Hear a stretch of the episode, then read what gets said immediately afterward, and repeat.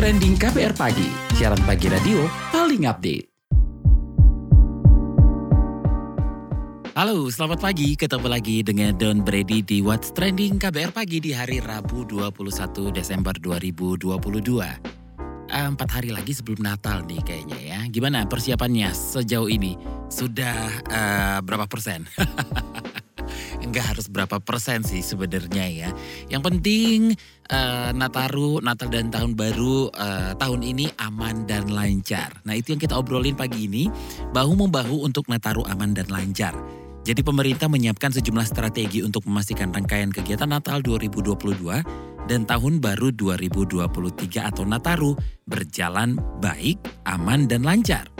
Nah, Kapolri Jenderal Listio Sigit Prabowo mengatakan Presiden Jokowi menginstruksikan Polri mempersiapkan berbagai antisipasi untuk kegiatan masyarakat mulai dari mudik, ibadah Natal hingga perayaan malam tahun baru. Dari segi personel, Polri menyiapkan sekira lebih dari 160 ribu personel yang akan dilibatkan dalam pengamanan rangkaian kegiatan Nataru. Polri juga akan dibantu TNI yang bakal menyiapkan sekitar 23 ribu personel. Seluruh personel keamanan tersebut akan disebar untuk mengamankan lebih dari 50 ribu objek. Terkait pengamanan pada saat malam Natal, Kapolri Listio akan bekerja sama dengan TNI, pemerintah daerah hingga organisasi masyarakat seperti Banser, JP Ansor, dan ormas lain untuk mengamankan tempat-tempat ibadah. Selain Banser NU yang tak pernah absen, keterlibatan organisasi masyarakat lintas iman menjaga Natal memang bukanlah hal baru. Tahun lalu misalnya seperti dilansir uh, thepress.id, Komunitas Toleransi Umat Beragama Salam Sarane dan Angkatan Muda K atau AMKAI menggelar kegiatan menjaga gereja di hari raya Natal. Bersama dengan TNI Polri, Dishub, dan petugas keamanan lainnya, komunitas tersebut siaga di kanan dan kiri jalan gereja Katedral Ambon selama ibadah berlangsung. Sebelumnya juga diberitakan Gatra.com pecalang atau polisi adat dari komunitas Bali yang ada di Maluku dan komunitas motor di kota Ambon turut membantu aparat dalam menjaga situasi saat ibadah perayaan malam Natal pada sejumlah gereja di ibu kota provinsi Maluku tersebut. Dan sebelum kita obrolin lebih lanjut, kita dengarkan dulu komentar warganet plus 62 berikut ini.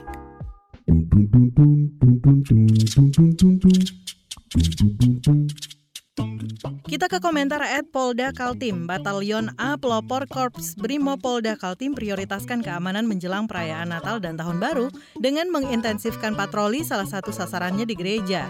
Lalu komentar at IkiXX, Densus 88 tangkap 24 teroris di Jabar Jateng jelang Natal dan Tahun Baru. Kewaspadaan terhadap aksi terorisme jelang Natal dan Tahun Baru di Indonesia terus ditingkatkan. Lanjut ke komentar at N3WXX, Bravo Densus 88, at Ahlul XX. Gimana situasi terakhir? Masih ada penangkapan dalam beberapa hari terakhir ini, Sumut dan Jabar Jateng. Penangkapan dalam skala sebesar ini tentu mengindikasikan keseriusan aparat keamanan dalam mengamankan ibadah Natal. Lalu komentar Ed Pak Babin XX, patroli dan sambang ini rutin dilakukan untuk meminimalisir hal-hal yang tidak diinginkan di wilayah hukum Kecamatan Badau jelang perayaan Natal dan Tahun Baru. Karena keamanan menjadi hal mutlak yang wajib dijaga sehingga semua dapat memberikan kenyamanan bagi masyarakat. Lalu komentar at Taufik XX, peran banser atau ormas apa pun yang mengedepankan toleransi adalah bentuk partisipasi sosial, suatu pendekatan nyata dan simbolik dalam menjaga kerukunan. At Awis XX, sekitar 44 juta orang diperkirakan bepergian pada periode Natal 2022 dan Tahun Baru 2023. Presiden Jokowi pun meminta jajarannya meningkatkan kewaspadaan agar masyarakat merasa aman dan nyaman. Ke komentar at XCXX, ingat kolesterol di sini kalau Natal begini yang diingat dan dijaga ya kolesterol. Etan XX. Semoga sirkulasi rupiah di Natal dan Tahun Baru ini bisa selalu dijaga. At South XX. Semoga perayaan Nataru kondusif dan aman. Terakhir komentar at Dindin XX. Natal juga, lu libur menikmati juga. Ketikan lu tolong dijaga.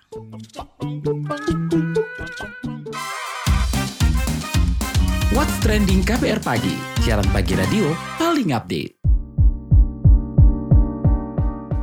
Kita lanjutkan obrolan kita pagi ini. Jadi Menteri Koordinator Bidang Pembangunan Manusia dan Kebudayaan Menko PMK, Muhajir Effendi mengatakan dua rapat koordinasi pengamanan Natal dan Tahun Baru 2023 sudah digelar.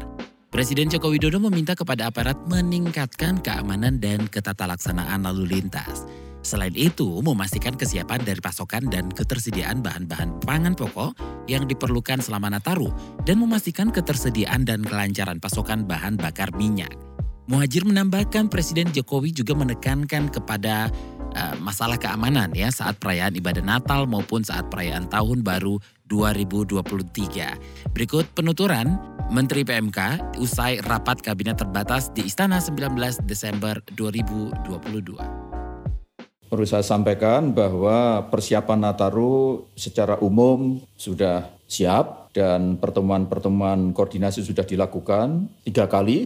Kemudian tadi Bapak Presiden memberikan arahan beberapa poin supaya kita memberikan perhatian yang khusus hati-hati karena berdasarkan survei potensi yang akan melakukan mobilitas ada sekitar 44 juta kurang lebih dan ini perlu disiapkan oleh seluruh sektor yang terkait. Bapak Presiden juga meningkatkan tentang eh, ketata laksanaan lalu lintas dan nanti Pak Kapolri akan bisa menjelaskan lebih lengkap. Kemudian yang kedua yaitu kesiapan dari pasokan dan ketersediaan dari bahan-bahan pangan, bahan-bahan pokok yang diperlukan selama Nataru. Kemudian yang ketiga yaitu ketersediaan dan kelancaran pasokan bahan bakar minyak BBM. Kemudian yang terakhir yaitu masalah keamanan, baik pengamanan di dalam kegiatan peribadatan sehingga bisa menjamin kegiatan peribadatan yang dilakukan oleh umat Kristiani pada Natal itu berlanjut dengan baik, tertib, aman, dan betul-betul bisa nikmat sesuai dengan tujuan dari ibadah itu sendiri. Kemudian juga keamanan dalam masalah perayaan tahun baru tahun 2023. Di kesempatan yang sama, Kapolri Jenderal Listio Sigit Prabowo memaparkan sejumlah strategi pemerintah dalam memastikan rangkaian kegiatan Natal 2022 dan Tahun Baru 2023 berjalan baik, aman, dan lancar.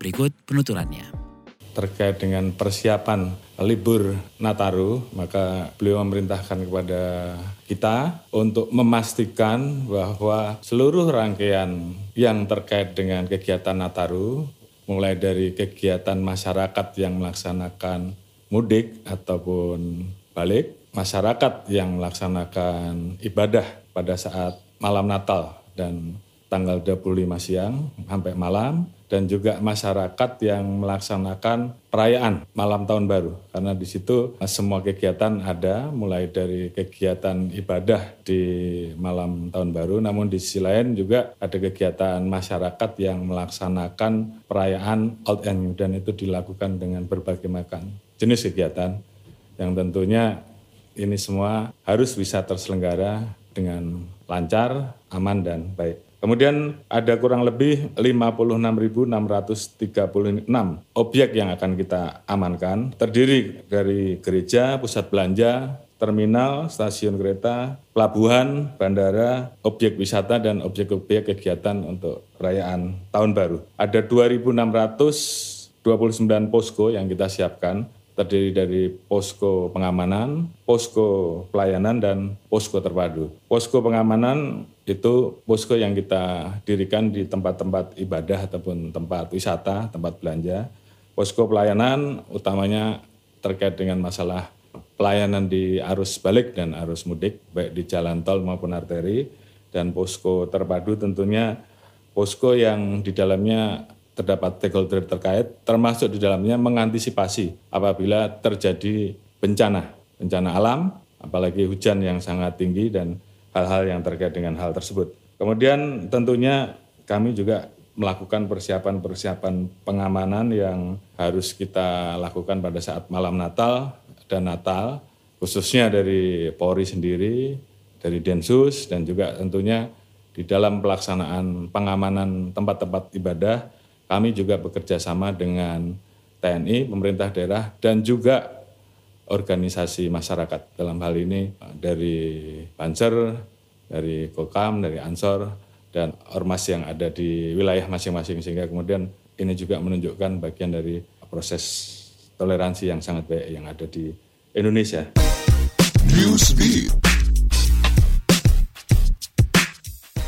Banyaknya kontroversi Elon Musk membuat jajak pendapat untuk menanyakan haruskah dirinya mundur dari jabatan sebagai CEO Twitter.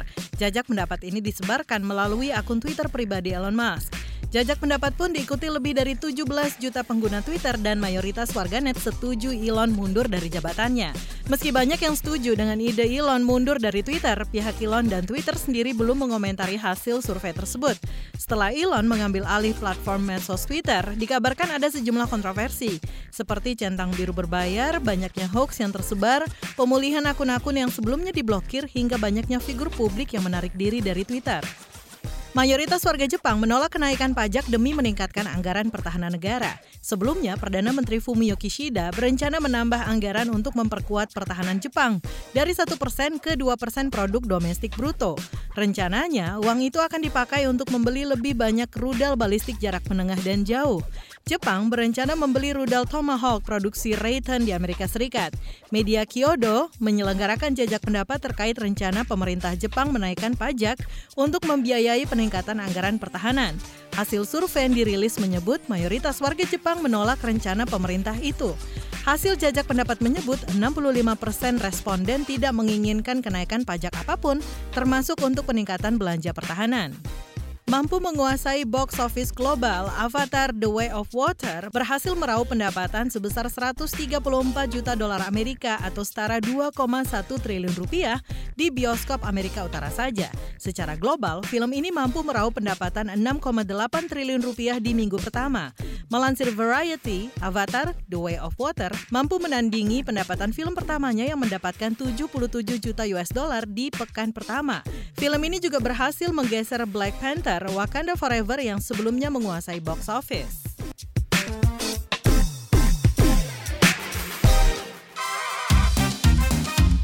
What's Trending KPR Pagi, siaran pagi radio paling update. Masih bersama Don Brady di What's Trading KBR Pagi dan kita lagi ngobrolin soal bahu-membahu untuk Nataru aman dan lancar. Nah, Sekretaris Eksekutif Konferensi Wali Gereja Indonesia KWI, Siswantoko, mengatakan selama ini selain tim internal gereja, komunitas masyarakat juga turut membantu pengamanan gereja-gereja selama perayaan Natal. Berikut penuturan Sekretaris KWI Siswantoko kepada KBR 20 Desember 2022.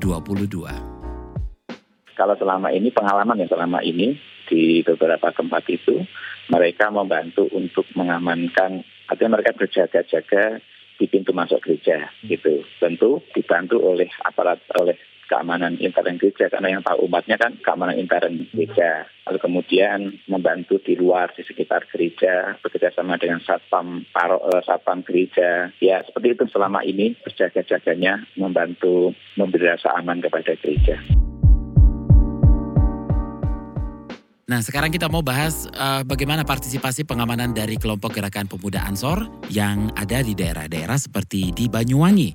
Langsung saja kita tanya ke Ketua Pengurus Cabang Gerakan Pemuda Ansor atau GP Ansor, Kabupaten Banyuwangi, Ikhwan Arif.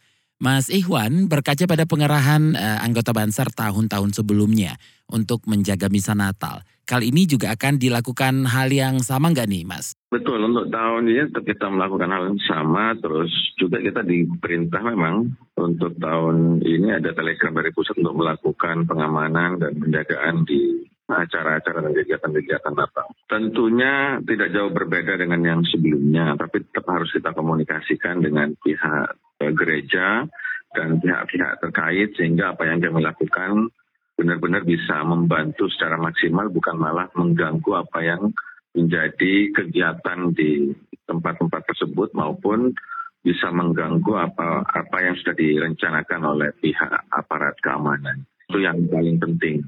Seperti apa bantuan pengamanan untuk uh, tahun ini? Karena tahun ini dapat telegram langsung dari pusat, maka kita kerahkan semua potensi yang ada, semua pasukan yang ada kita kerahkan. Namun seperti yang sudah sering kita latih kepada sahabat-sahabat Banser terutama, memang ada yang secara terbuka menggunakan seragam kebanseran, tetapi ada yang tidak menggunakan seragam kebanseran karena memang ada satu hal tugas intelijen yang harus juga kita lakukan di setiap daerah sebagaimana yang telah dilatihkan kepada kita maupun yang diperintahkan oleh pusat. Ada seribu lebih banser nanti yang akan kita kerahkan di seluruh titik-titik di seluruh penjuru Banyuwangi, tapi terutama di beberapa daerah yang ada kegiatan-kegiatan misal Natal tersebut. Dari pengalaman yang sebelumnya kan kita sudah memiliki data, sudah memiliki komunikasi dengan uh, komunitas-komunitas itu, sehingga nanti mungkin beberapa hari terakhir tinggal kita kerahkan langsung di titik-titik mana yang menjadi prioritas utama. Oke, upaya apa sih Mas yang dilakukan teman-teman Ansor untuk menjaga kondusivitas dan meningkatkan toleransi di perayaan Natal? Pada perayaan kali ini ada nggak sih upaya menjaga toleransi di uh, ranah digital?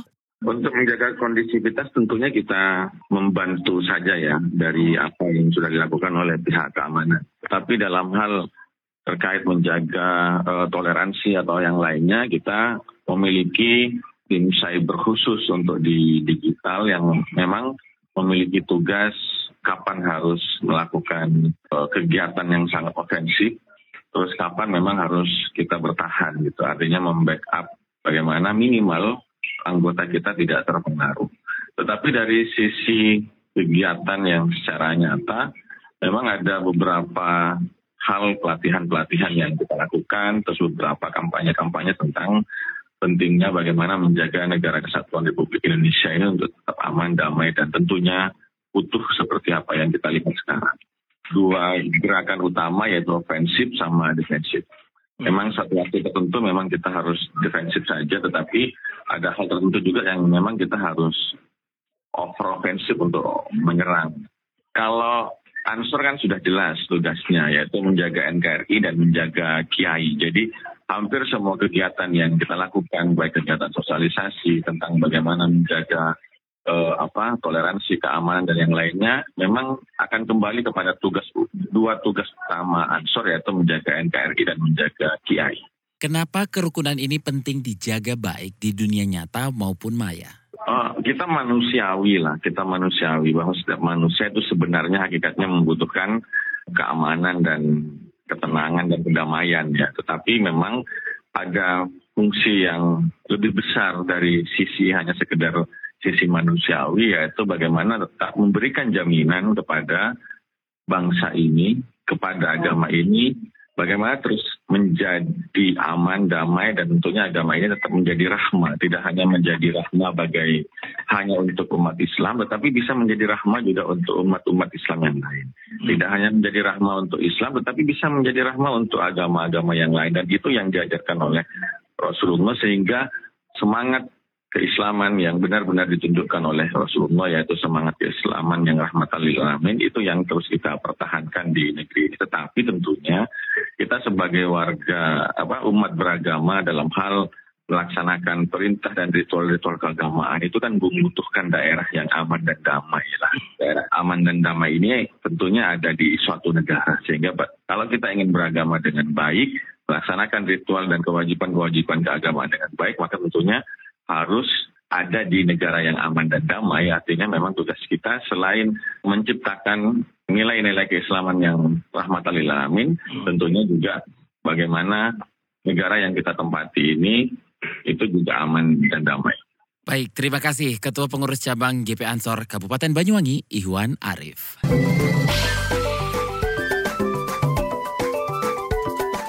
WhatsApp Indonesia. WhatsApp Indonesia dimulai dari Jakarta pemerintah masih menerapkan pemberlakuan pembatasan kegiatan masyarakat atau PPKM untuk mengantisipasi peningkatan kasus saat liburan Natal dan Tahun Baru 2023. Kebijakan itu disampaikan juru bicara pemerintah untuk penanganan COVID-19, Reza Broto Asmoro. PPKM level 1 pun diberlakukan mulai 6 Desember 2022 hingga 9 Januari 2023. Ketentuan PPKM ini juga diberlakukan pemerintah pada pelaksanaan ibadah Natal. Masih dari Jakarta, Kementerian Koordinator Bidang Perekonomian memprediksi pertumbuhan ekonomi di 2023 tetap kuat didorong oleh sektor pariwisata. Menurut staf ahli bidang regulasi, penegakan hukum, dan ketahanan ekonomi, Ellen Setiadi, saat mewakili Menko Perekonomian Erlangga Hartarto, saat rapat koordinasi pariwisata dan ekonomi kreatif tahun 2023, pertumbuhan ekonomi sektor penyediaan akomodasi dan makanan minuman adalah sektor yang erat kaitannya dengan pariwisata. Ellen menyebut sektor-sektor penyediaan akomodasi dan makanan minuman itu mengalami lonjakan tertinggi kedua setelah transportasi dan pergudangan. Ellen Setiadi menjelaskan jika kedua sektor tersebut digabung, optimisme Indonesia akan pengembangan pariwisata di 2023 akan sangat kuat. Ditambah lagi mayoritas lembaga memproyeksikan pertumbuhan ekonomi Indonesia ada di kisaran 4,8 hingga 5,7 persen. Terakhir, mampir Jawa Tengah. Melalui pola perjalanan Borobudur Trail of Civilization atau BTOC, Menteri Pariwisata dan Ekonomi Kreatif Sandiaga Salahuddin Uno memproyeksikan wisatawan yang datang ke Candi Borobudur miliki kesan menarik. Pola perjalanan wisata BTOC fokus pada proses penceritaan yang berasal dari interpretasi panel-panel relief Candi Borobudur. Selain itu, aktualisasi aktivitas pendukungnya berdasarkan potensi dan budaya dari masyarakat lokal di 16 desa kawasan Borobudur yang dikemas ke dalam 9 jalur wisata tematik.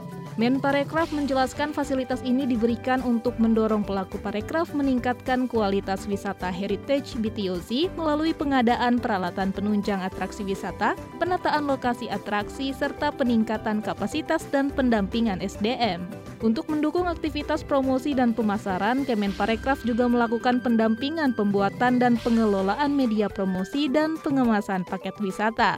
Demikian WhatsApp Indonesia hari ini.